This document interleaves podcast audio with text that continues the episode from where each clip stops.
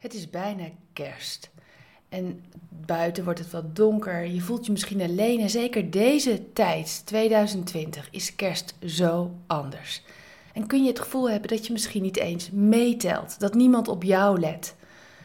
Ik denk daarbij aan een verhaal wat ik lang geleden meemaakte. Ik ging toen als begeleider mee op schoolreisje. Ja, dat was niet in de kersttijd, dat begrijp je. Drie grote touringcars stonden op de parkeerplaats van het Dolfinarium in Harderwijk. En de kinderen van de klasse liepen in groepjes de bus in.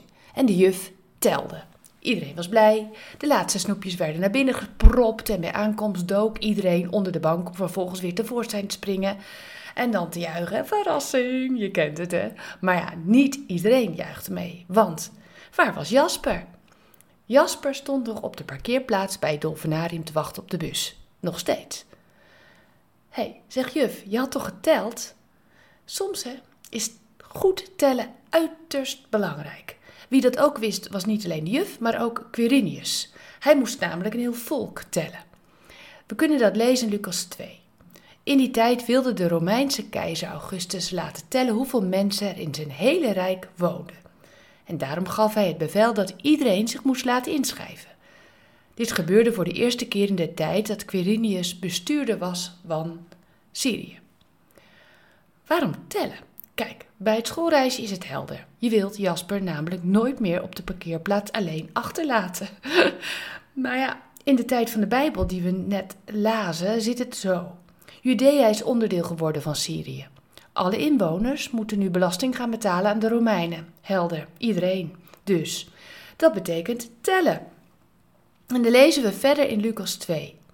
Om geteld te worden moesten de mensen naar de stad gaan waar hun familie oorspronkelijk vandaan kwam.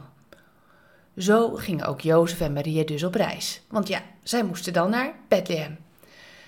En zoals zij op reis gaan, zo ben jij ook op dit moment op reis. Is jouw levensreis, denk je, voor God belangrijk? Is het belangrijk voor Hem hoe het met je gaat tijdens deze reis en waar je naar op weg bent? Weet je, let op, jij telt voor God mee. Hij laat je nooit achter op de parkeerplaats. De deuren van de hemelse touringcar staan wagenwijd voor je open. Hij weet zelfs hoeveel haren je op je hoofd hebt. Wees dus nooit bang, staat in Lucas 12. Jij telt mee en God telt jou. Zullen we samen bidden? Heer, ik voel me soms vergeten, alsof ik niet meetel. Ik ben zo dankbaar dat u mij altijd en dan ook echt altijd ziet staan. Bij u tel ik mee. Dank u.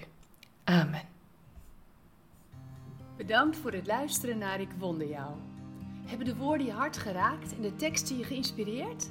Gun ook anderen Ik Wonder Jou. Meld ze aan bij www.ikwonderjou.nl. Ik ben zo blij dat je bestaat.